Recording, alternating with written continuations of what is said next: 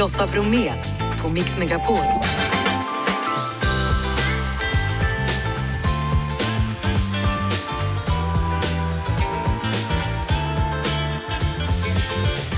Hallå där och varmt välkommen in till oss denna lill-lördag i dagens onsdagsmix. Köttbullens dag, men hur ska den serveras? Ni tycker till. Dagens gäst heter Mikael Hussein och dyker upp efter klockan 17. Vi får också ett boktips och så hör ni om vallhunds-EM. Nu är det dags på svensk mark. USAs nästa countrystjärna kommer hit, Jackson Dean, och spelar live alldeles strax. Så jag säger precis som vanligt då, är ni klara Jeff? Ja. Vad bra! Och Janne? Jajamän! Alltid, då kör vi! Eh, Vi ska också välkomna nu en ung ny countrystjärna som är på exklusivt Sverigebesök. Det handlar om Jackson Dean. Välkommen till Mix Megapol, welcome. Thank you for having me. Did you sleep on your way here or are you just still awake? Not a not a wink. Uh, I'm I've been awake for a while now. Nu har han varit vaken ganska länge eftersom han har flugit till Sverige och kommit redan under dagen. Då. Frågan är, har han fått någon som helst uppfattning om Sverige hittills? So what do you think about Sweden so far? It's beautiful. Uh, I'm very happy to be in like 50 degree weather. Uh, it's very hot back home, so it's, it's very beautiful. Han tycker det är väldigt skönt att vara här eftersom det är betydligt svalare än vad det är hemma hos honom. Han kommer ju då från Maryland i USA, är 22 år gammal och den yngsta manliga artisten någonsin som nått första platsen på amerikanska Radio Country-listan. Listan, listan är bra. Uh, congratulations to reaching number one Thank you. in that list. You're the youngest ever. Youngest to do it. Yeah, it was uh, Jim Murphy found that stat. Um, he told me at a show in Chicago, and he was like, "I think you're the youngest one that's ever gonna do it." And I was like, "What are you talking about?" Even in the future, you mean? Maybe. I mean, there might be another young buck to come along, but uh, it's pretty crazy. Mm. Han tycker det är galet att han är den yngsta någonsin då det var någon radiosnubbe som berättade det för honom när han var i Chicago och den personen trodde att det kanske är den yngsta som någonsin kommer att nå den första platsen. Eh, Han kommer alltså ifrån Maryland och det enda vi vet om Maryland det är liksom Maryland cookies, men vad är det för typ av plats? We know about Maryland cookies, we have that in Sweden. Maryland cookies. Yeah, you probably don't have it in Maryland. No. but you're going to try them later, we're going to give you one later. I'd love, I'd love them. I have a sweet tooth. Ja, Okej, hold on, I have to translate that. Det är väldigt roligt, vi ska bjuda honom på Maryland Cookies. Det vet ni som lyssnar vad det är. Han som själv är från Maryland, han har ingen aning om vad detta är så att vi får ta det eh, så småningom då. Men vad är Maryland för plats? Vad kan han berätta? Tell us about Maryland. What kind of a place is it? Beautiful place. Uh, crowded. Um, especially around Baltimore, DC, Annapolis. Um, I grew up in the middle of all three of those cities. Um, on the western side of the Chesapeake.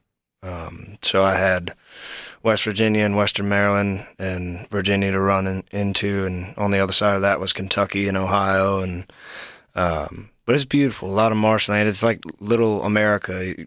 The only thing we don't have is desert and rainforest. We have everything else. De har allt i eh, Maryland förutom regnskog och öken då. Eh, hans låtar har också varit med i Netflix-filmen The Ice Road och serien Yellowstone som ni kanske har sett och kan ha blivit uppmärksammad på massor med topplistor då som sagt. Eh, vad är hans recept? Och countryn han skriver kallas för outlaw country. Man undrar vad det är för någonting. Eh, you've been high up in the lists and had a lot of hit songs. Wh- what is your secret recipe? Give it 110%, uh, or else the song just doesn't happen. Um, I've been that way for a while now. And I mean, I guess I've always been that way. Uh, I scream pretty hard when I sing, um, and the songs just don't happen if you don't. Um, and they're written that way for a reason. They're made, they are written and made to swing for the fences. Han eh, satsar alltid 110 procent. Om han inte gjorde det, då, vilket han har gjort hela sitt eh, musikaliska liv, då, så skulle det inte bli någonting av det hela. Eh, outlaw country, hur kan man förklara det? How do you explain outlaw country? Ooh, okay. Um, Is it like old school country or is it something new? a lot of people uh, it's nothing new um it's what Waylon and Willie were doing uh that that's what outlaw country was um nowadays it's kind of like an occult thing where it's more so attacking the pop side of things. Um, which don't get me wrong, there's a lot of there's a lot of poppy stuff that I just it is not my bag, you mm. know. So I get it. Um, but outlaw country is kind of just a general term for stuff that is a little bit harder and a little bit heavier than what you would hear on commercial radio most of the time. Mm. Um, yeah. Han eh, säger att det är kanske inte det som man brukar höra oftast då på kommersiell radio men ändå går det ju väldigt bra för honom. Men det är lite grann av old school. Senaste låten heter Girl from the North Country. Jag tänkte att vi ska lyssna på den så kan han få stämma sin gitarr också så småningom och spela live. Uh, we're gonna listen to Girl from the North Country. Oh wow, okay. Yeah, right. it's a nice song. Och det är Jackson Dean som är gäst här på Mix Megapol i nuläget. Han har nu tagit upp sin gitarr och har den i famnen. Han är ju aktuell med debutalbumet Greenbroke och imorgon så spelar han på Hard Rock Café här i Stockholm, en spelning som är gratis och öppen för alla som vill höra eh, country. N när man läser om honom så låter det som att han lever precis så som man tänker att någon som skriver countrylåtar ska leva. Jag vet inte om han håller med. When I read about you, it sounds like you're living your life just like a person who does country should be living the life. Um, yeah, I've uh, I've been some places and done some things for sure. Um, yeah. But no, I, I, write a lot about um, from my perspective of things. Um, Greenbroke is is pretty much me to a T and how I felt, you know, before I left. Um, yeah, I mean, some people write story songs, and some people write songs about, you know, life, life themselves. Not not so much themselves, but about their lives and the lives that they see. You know, that whole record is just experiences that I've had, experiences that my brothers have had, and me watching them live. You know, examples of what to and what not to be. You know, uh, yeah. Plattan då, eh, där skriver han berättelser både som han har varit med om i sitt egna liv men också hans bröder och andra människor som han har hört det de har att berätta om livet. Och han säger en del hittar på saker, andra skriver om sina erfarenheter, jag tillhör det senare slaget. Eh, som 18-åring så flyttade han in då i en enkel liten bostad bakom sin farfars hus med bara ett rum, betonggolv och ingen el eller avlopp. Han tillverkar lädervaror, vedeldad konst och gillar att försvinna in i skogen för att sova under stjärnorna. Uh, it's pretty cute this story though. I like it. Like as an 18 year old, you moved in in a little place behind your grandfather uh, with only one room. Mm-hmm. It was a it was a tack room for horses. Uh, my dad grew up on a horse farm. Um, Bowie Racetrack was about five miles away as the crow flew. So they had anywhere from 30 to 35 horses there at any given time. Uh, yeah, the tack room was just a massive party den for like 40 years. Um, yeah. My brother's room, my cousin's room, my uncle's room, uh, my dad's room, all spread out over 35, 40 years. Um, and then I was the last one to live in it. Den där hade funnits i släkten då i 40-talet år där både farfar, pappor och andra bröder då levt här inne. Eh, det här med lädervaror och eh, det här vedeldad konst, jag vet inte riktigt vad det är men kanske han kan förklara. What is this thing about leather goods and wood burned art. Oh, is that what you've done to your guitar? I do them all. So you I got, put it on fire. Uh, kinda, kinda. I got a nice little wood burner that my manager was so nice to gift to me, and um, it's pretty, it's pretty heavy duty. So I've, I've done four of those. Um, first one I mm-hmm. did, I was like 16 uh, on an old little wood burner. It was a Martin, and uh, it's just become a passion of mine. It's it's good to work with the greatest tools that God put on the earth, ja. uh, your hands. Um, de bästa redskapen som Gud placerade på jorden var händerna och de gillar han att använda. Det har blivit ett intresse för honom då, det här med eh, vedeldad konst. Han tog och visade mig sin gitarr, för han har liksom, jag undrade just när den kom in varför den var fläckig, men han har alltså kört med en sån här eldgrej där. I don't know what you call it, a burner, is that what you call it? A burner, yeah, ja, a wood burner. Någon slags vedbrännare eller träbrännare då, då. Snyggt faktiskt, man kan göra ett, ett mönster. Eh, sen gillar han också avslutningsvis då att sova under stjärnorna. Uh, I've heard that you like, I don't know if this is still the case, but that you like to go out in the woods and sleep under the stars. Is that something you do nowadays? I just went a week, uh, about a week ago. Um, 10 mile round trip, nothing crazy. Um, three sets of water. I love it. it's it's something happens when you sleep in unfiltered air. Um, truly, and I mean it's nothing groundbreaking or anything. It's just I like to do it. Um, it was a part of my upbringing, quite a lot. Um, my whole family is that way. We have mosquitoes in Sweden. Do you have them? Oh yeah, we got big mosquitoes. All right. So under your dress, you have like itches and stuff. Then. Uh, Or they, you're used to them, maybe, or they're used to you. For a couple of years there, they they weren't that bad. Um, this year, I have noticed. My God, they they are back in droves. Okay. is it's it's thick down there. But for I don't know two three years there, I didn't really have any problems. So why don't you take your guitar, and I will translate the last stuff that you said, and then we can listen to you live. Okay, Yeah. right on. Eh, så jag frågade om han brukar fortfarande då ligga under eh, bar himmel i skogen och det gör han. Han var ute, det var inte alls för länge sedan som han just var ute i, skogen igen då och låg under bar himmel. Han tycker att det finns något skönt med att ligga där helt ofiltrerad. Eh, jag frågade hur det är med myggor hos honom. Då sa han för några år sedan så var det inte så farligt men i år så har de kommit tillbaka drösavis. Eh, vår gäst heter alltså Jackson Dean. Han har tagit av sig hatten men han har nu placerat gitarren i sina händer då. Guds främsta redskap. Ja. Thanks for being here and I'm looking forward to hearing your song. Thank you for having me. Ja. Oh,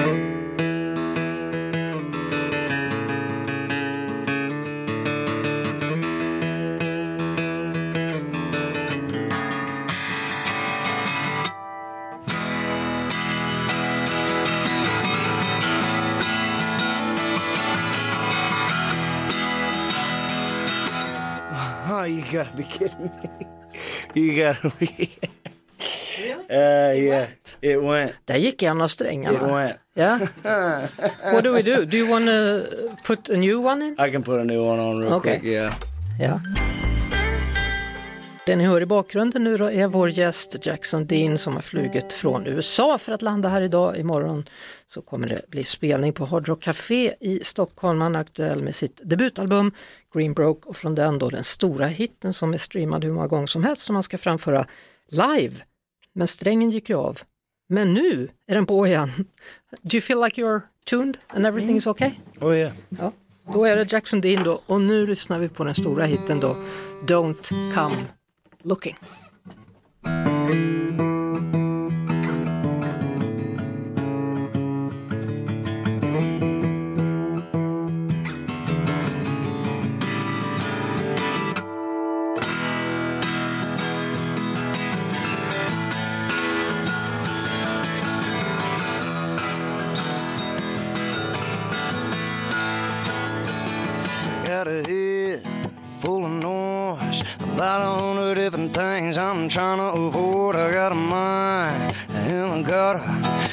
Got trouble on one hand, a beer in the other. Got the windows down and my fingers crossed.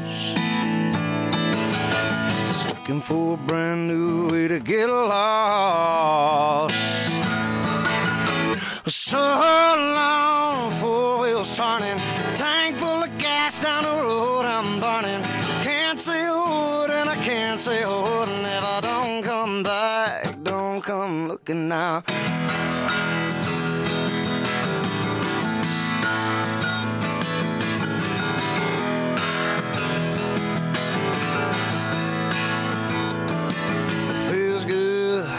About time. Blue skies ahead and BS behind. I got the wind in my head. I got nowhere to go. So I'm already there. Maybe nowhere. Maybe the Rockies. Maybe the great salt plains of the hills of Kentucky. Maybe north. Maybe south. I don't care as long as it's now. Well, so long,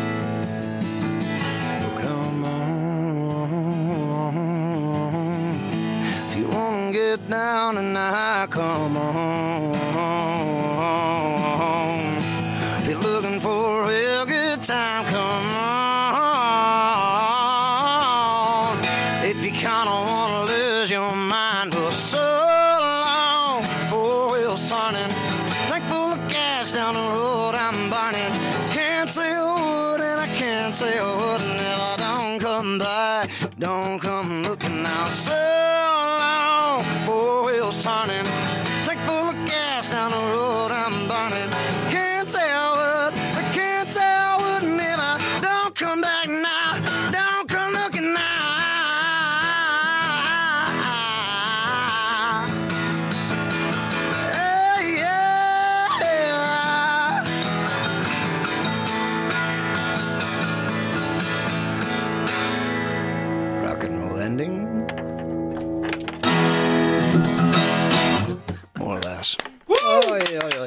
It was worth waiting for. Thank you. Have a fun concert tomorrow and again a big thank you for coming. Thank you for having me. Där hörde vi honom. Jackson Dean alltså spelar på, på vad säger jag nu, Hard Rock Café imorgon. Låten hörde vi som har legat etta då. Kul! Bra! Janne, Jajamän! läge? Yeah! Vi är snart tillbaka. Nina, nina, nina, Jag vet inte hur det är med dig, men jag älskar att läsa böcker. Jag är ständigt på jakt efter nya läsupplevelser, så därför har jag idag bjudit tillbaka Flora Wiström från Podplaypodden Röda rummet och nu ska hon tipsa om den favoritboken hon har just nu. Välkommen tillbaka! Tack så jättemycket. Ja, du har ju läst mycket i sommar. Är det någonting som har överraskat dig? Ja, men jag har återkommit till en bok som jag läste förra året. Eh, har du läst Natten av Sara Gården? Nej. Det är en underbar Eh, bok där man får följa en mamma och hennes dotter. Dottern är 14 och har stuckit ut i natten i sin stora jacka med luva. Eh, hon hatar när hennes mamma tjatar på henne att äta en macka, hon hatar att vara hemma, hon hatar allt. På många sätt är hon en vanlig tonåring men samtidigt är hon inte alls det för att hon har diabetes. Så eh, textjaget som är mamman, hon är rädd för sin dotters liv. Hon undrar om den här oron som hon känner är det som kväver dottern eller om oron är det som kan rädda dottern. Det är liksom romanens ramberättelse. Men vilket dilemma, det är ju utmärkt och speciellt för oss som är tonårsföräldrar kan Ja. jag säga. Det träffar mig rakt in, kolla jag ryser på armen så här, då är det bra. Det är en helt fantastisk eh, roman. Ja, vem är det som har skrivit den igen då? Sara Gården och den heter Natten. Berätta om henne, vem är hon? Sara Gården? Hon är en svensk författare och den här romanen tilldelades förra året Svenska Dagbladets litteraturpris och tidningen Vis litteraturpris. Så att jag är inte ensam om att tycka om den. Men du, det låter nästan som att det är en kommande film. Ja, men det skulle det nog kunna vara faktiskt. För, för det du beskriver är oerhört filmiskt, jag får mycket bilder framför mig och det kanske blir till film så småningom, vem vet? Ja, vem vet? Men eh, tills nu då så, så hejar vi på dem och natten. Ja, det Och så gör får vi. vi se om mamman får rätt eller fel. Oavsett blir det ju rätt, tänker jag. Ja, Eller? det får du se om du läser boken. Absolut. Tack så mycket för det tipset, Flora Wiström. Tack! Lotta Bromé på Mix Megapol. Hörrni, idag är det köttbullens dag och vi har kollat vad du helst äter till köttbullarna på Mix Megapols Instagram stories. Makaroner svarar 31 pasta 24% medan 44% tycker potatis. Ris var 0 procent. Eh, frågan är vad ska man ha för sås eller sylt till då? Jo, brunsås tycker 62% lingonsylt ligger på andra plats med 26% och sen så har vi ketchup då 12% Köttbullens dag alltså. Du får inte stoppa köttbullar i näsan Marcus Du får inte stoppa köttbullar i näsan där Sluta upp och stoppa köttbullar i näsan Marcus Du får inte stoppa köttbullar i näsan sisådär Så är det. Eh, Johan, hur är läget? Jo, det är bra. Ja, du kör tankbil från södra Tyskland till norra Norge och just nu är du typ i Falköping eller? Ja, någonstans där. Men bor i Hässleholm. Holm, vilken, alltså, vilken kille, du är liksom överallt samtidigt. Ja, lite så. Ingenst, överallt och ingenstans. ja. Du, hur är det med dig och köttbullar då? Blir det lingonsylt eller? Nej, jag kör med sweet chili-sås istället. Hur går det till? Ja, det har ju chili glasflaska i kylen så att eh, när man eh, häller ihop det på tallriken sen på med lite chili och sen brukar jag hälla lite riven ost över. Jaha, kör du med ris också då eller hur, vad har du till? Nej, det är pas, eh, pasta. pasta, chilisås, riven ost. Ja, jo med köttbullarna. Jaha. Har du eget recept på dem också eller? Ja, det uh, ungkarl som man är så blir det färdiga köttbullar. Ja, ja, ja. Hur går det när du är ute med matlåda då? För det måste du väl ändå ha när du kör? Ja, jag försöker men uh, för mycket att göra på fritiden så att det inte alltid det blir uh, så att man får äta ute. Men Nej. det blir dyrt. Ja. Vad vad- vad tar du helst då när du stannar till liksom? Ja, det finns ju sådana lastbilshak som kör med dagens husmanskost. Ja, ja. ja, det är husmanskost som gäller, det är inga konstigheter. Nej, det, skulle man bara äta hamburgare och sånt så har man varit 200 kilo kanske idag. ja, men där har de väl chilisås då ifall det är så att dagens husmans är just köttbullar kan man tänka. Ja, det, är inte, det beror på lite. Annars finns det alltid ta- taspa- tabasco man kan hälla över lite grann. Du vill att det ska vara starkt med andra ord? Ja, jag brukar skämta om det. Min köttfärssås är starkare än vad många chili con ute är. Ja, så kan det vara. Eh, Stort tack för att du hörde av dig och kör nu försiktigt då Johan. Ja då, det ska jag göra. Ja, bra. Hej! Hej! Lotta Bromé och den perfekta mixen på Mix Megapol. Och mitt emot mig nu så sitter vdn och grundaren av fintechbolaget Anif- Anifin, Mikael Hussein. Välkommen! Välkommen hit! Tack! Ja, eh, jag har inte fullt koll på alla de här orden då som förekommer i techvärlden. Kan du hjälpa mig med till exempel vad fintech betyder? Ja, men det är ett där. av sådana hemska ord vi har, vi har importerat för att det egentligen inte finns något bra svenskt begrepp för det.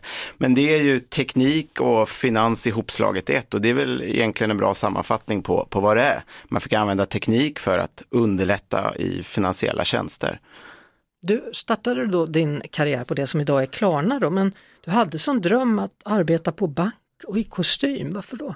Ja, nej, men eh, det, var väl eh, någon form av eh, ungdomsdröm att man, hade man kostym på mig så var man ju också viktig och då gick det också bra. Men, men jag tog examen någon gång där i tidigt i finanskrisen och, och sen så slog jag in på en annan väg. Ja, och, och det var en slump att du hamnade i kreditbranschen. Ja men det var det. Eh, Vilket det var, sätt? Nej men det, men det var lite det som fanns där. Eh, och på den tiden eh, hette, hette Klarna någonting helt annat också. Men det fanns inte så många jobb, men det lät ju ganska intressant. Det var siffror och det, man fick ha kostym på sig på jobbet och ja, men det tickade lite av de boxarna. Ja, och sen valde du att stanna i alla fall inom den branschen. Ja men jag gjorde det. För och- att? Nej men det, ja, men det, eh, det var fantastiska människor eh, och det gick ju väldigt bra där. Eh, både för företaget i stort och för mig, vad jag gjorde och vad jag fick göra på dagarna var ju väldigt intressant. Och så är det då fintech och entreprenörskap då, eh, vd och grundare av Anifin. Vad gör ni för något då? Ja, men eh, om man eh, tittar tillbaka och kanske speglar och kollar lite på de finan, finansdelarna av det istället för techdelarna av det så fanns det ju för mig mycket man lärde känna hur det faktiskt funkar där ute. Eh, och, och det är inte alltid så härligt tyckte jag. Eh, jag det var mycket, mycket människor som använder de här tjänsterna men betalar alldeles för mycket eller använder dem fel eller använder dem när de inte borde. Och, och någonstans där såddes det ju också ett, dels ett missnöje hos mig men också liksom fröet till det som blev entreprenörskapet och bygga ett företag inom fintech som sysslar med finansiell hälsa och använder tekniken för att skapa mer utrymme i plånboken.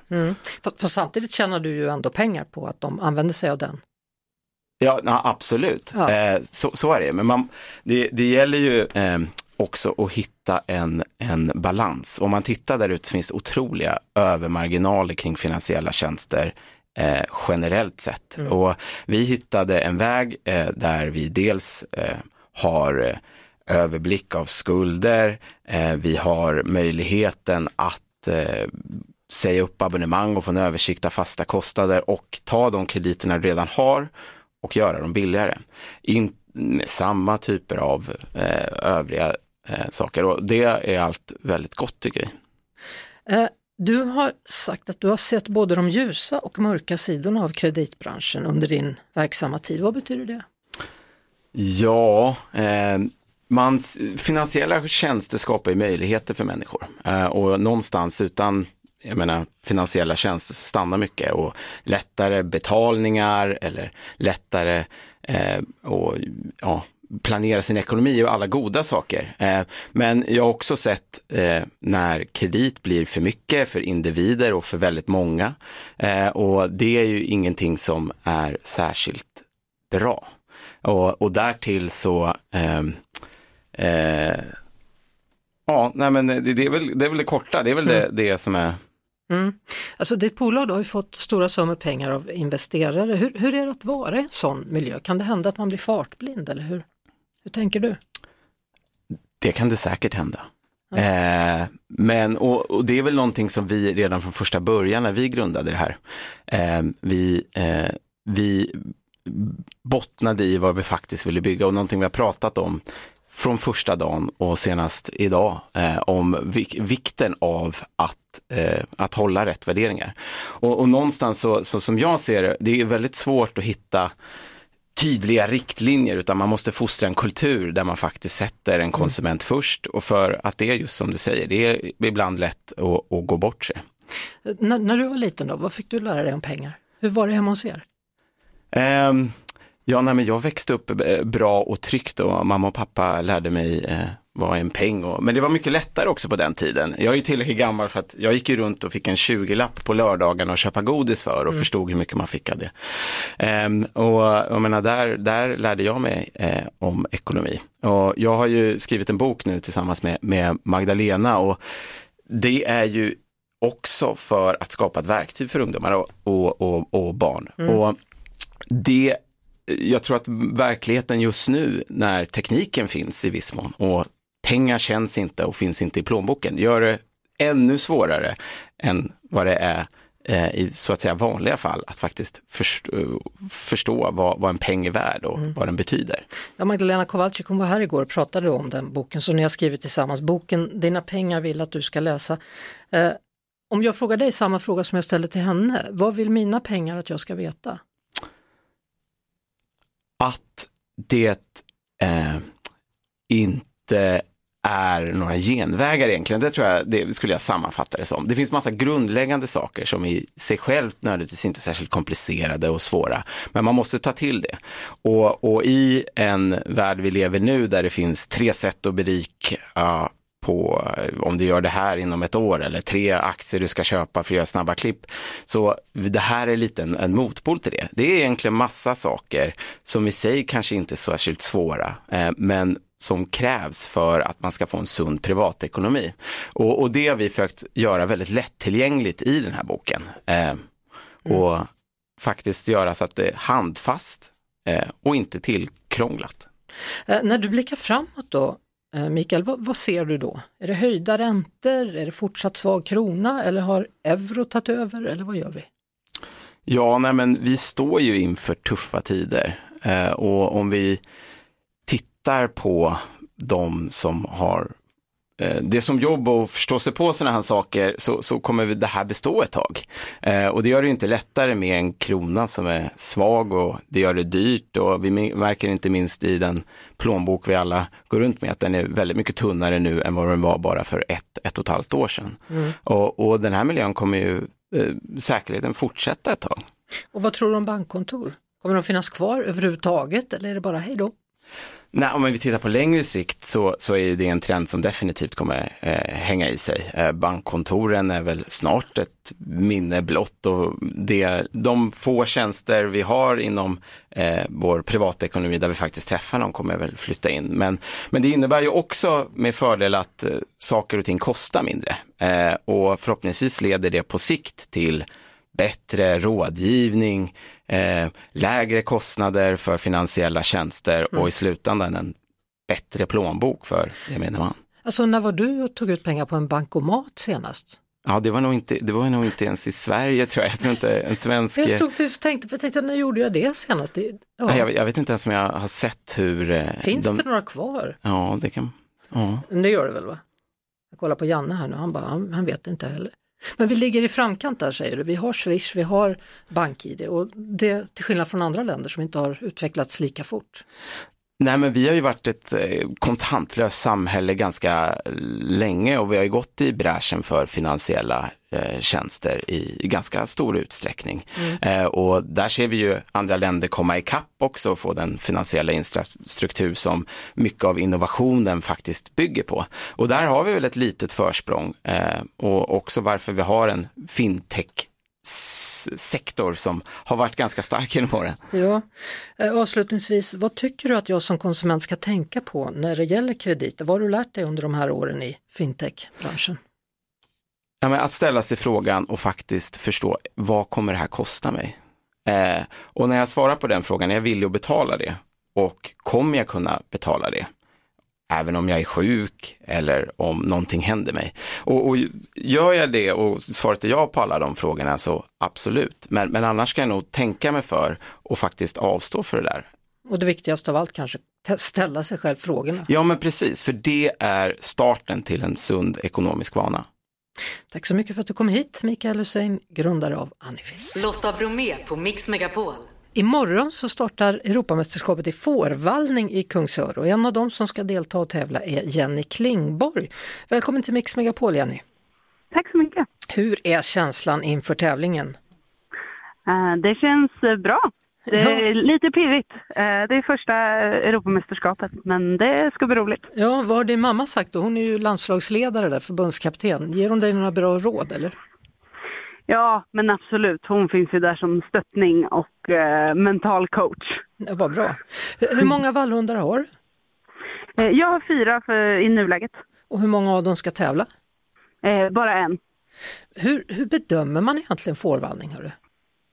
Eh, det bedöms egentligen på hur man hanterar djuren och eh, man har en bana man ska ta djuren runt och då ska man ju hålla sig på eh, linjer där man ska ta djuren så att säga, där det är optimalt att ta djuren. Och sen bedöms det även på hur bra man hanterar djuren så att Mm. säga. Och de här fåren då? Det är riktiga får som man ska ta runt eller? Jajamän, det är riktiga får och alla får en eh, ny eh, grupp av får. Jaha, så du har ingen koll alls? Du vet inte vilken grupp du får imorgon? Utan det kommer- Nej, exakt. Det är någon av alla fåren som finns här på Norrby gård som det går på. Hur många får finns det på Norrbygård då? Eh, Det är nog över tusen djur i alla fall. Oj, oj, oj. Ja, och hur många är det i en grupp som, som du och din hund ska valla runt imorgon då? Eh, imorgon kommer det vara fem djur. Ja, det var inte så Eh, många ändå. Är det lättare? Nej, Är det lättare när det är färre eller är det lättare när det är flera? eh, det är nog eh, olika svårigheter man kan möta på. När det är flera så kan de ju bli lite mer spridda och kanske vara lite tyngre och eh, röra runt så att säga. Ja. De kan hellre vilja stå och beta för de är lite, lite mer lugna då. Ja. Och de kan vara lite mer springiga om de är färre. Så hur har du tränat? Är du i form? Eh, ja, men jag hoppas det. Vi får väl se det imorgon helt enkelt. Ja. Eh, Det är ju egentligen träningen som pågår hela hundens liv så att det är ju ingenting jag har gjort speciellt den sista veckan liksom. Nej. Utan vi försöker bara göra det vanliga och komma i en bra känsla ihop. Ja. Så, så vad kan du träna på? Är det visslingar? Eh, Ja, jag styr ju hunden med visselkommandon så att eh, det är klart den sista veckan har jag bara kollat av så att de sitter där de ska. Ja. Eh, och så att han reagerar på dem som jag vill att han ska reagera på dem. Eh, Men annars så är det mest att komma i den mentala formen där man känner att eh, man är ett team och man kan göra det här. Så vad siktar du mot? Medalj? Med tanke på att det är första EMet borde man väl hålla sina förhoppningar eh, rimliga men jag ska säga att det är klart jag jättegärna skulle vilja gå till final. Det är klart att vi drömmer om en Ja. medalj. Ja, det är klart att man vill, vill ta en medalj men eh, final, finalbanor är väldigt roliga att göra och gör man bra ifrån sig imorgon så får man tävla igen på söndag. Ja men vad härligt. Mm. Eh, ska vi avsluta med Jenny Klingborg att du kör en vissling då får vi se hur det låter så Och man har jag, har, jag har inte ens en vissla på mig. Jaha, jag trodde man gjorde det för hand liksom bara så här. Så Nej, trodde jag. jag, jag, men jag kan, jag kan skramla fram en liten vissla här. Mhm, vad bra, då väntar jag på den för man vill gärna höra hur den låter. Faktiskt. Ja, exakt. Hålla, hålla lite för öronen Ja, för att gör det, den är ganska, ganska hög här. Okej, Okej, är ni redo? vi är redo. Hörde ni? Ja, gör en gång till. Och vad betyder det? Eh, för, för min hund Mm. eh, betyder det vänster. Och, och för din hund, hur låter höger? Hö- Höger låter... Nu ska vi se. Jaha, det var en ton bara rakt fram då? Ja, en liten kort först och sen så en lång rak. Jaha, och om man vill säga hej då vi är klara, hur, hur blåser man då? Då blåser man. Ja, tack så mycket Jenny Klingborg och lycka till! Tack så jättemycket. Du lyssnar på Lotta Bromé på Mix Megapol. Hörrni, det är återigen dags för SVTs älskade husserie. Första avsnittet förra veckan. Serien heter Det sitter i väggarna och där får man då som tittare veta husets historia. Eh, välkommen till Mix Megapol, Rickard Turnér, antikexpert. Tack så mycket. Är det skönt att det är igång igen? Ja, men det är skönt att se liksom, eh, kan man säga vad man gjorde i våras. Eh, Det är fantastiskt. Ja, eh, byggnadsantikvarien då i programmet hjälper till att inreda och restaurera och du söker husets historia. Är det svårt eller lätt? Det är eh, de casen som vi tar oss an, de är svåra skulle jag vilja säga. Det är ju sådana som har kört fast. Många är ju roade av släktforskning och att försöka hitta mer om sitt hus och husets historia och så. Det finns saker som är lite lättare att hitta, som de flesta kan hitta om man ger sig tid. Och så finns det saker som är jättesvåra och de som vi träffar har ju ofta försökt själva och sen har de kört fast och sådär. Mm. Eh, vad skulle du säga att, att det finns ett större intresse för dåtiden nu än förr? Fantastisk fråga. Jag visst är det, den var Ja. helt vrickad Ja. kände jag när jag sa den. Ja. Eh, Jag tycker att det finns större intresse för att eh, återbruka saker. Att man kanske, man, man, åt man, de här gamla torpen som har stått som ingen kanske ville ha, de, de gillar liksom ungdomar att köpa idag och restaurera. Och, alltså, kvaliteten på gammalt virke och så, där, alla blir ju väldigt glada när man tänker på det. ja, hållbarhetstänk på annat Ja, sätt. Jag, jag tänker på min gudson, de, de köpte ett, ett ganska ruckligt ruckel. Men vad de har börjat göra det är liksom att köpa in originaldelarna. De har byggt ett litet nytt hus bredvid. Men så, deras tanke är att restaurera det här gamla och då kan de liksom titta på annonser och åka runt hela Sverige och samla liksom, här är den rätta stocken, och här gjorde man så. Känner du igen det? Ja, verkligen. Och tänk för liksom 15-20 år sedan som om någon rev en veranda till exempel, inte ville ha den längre.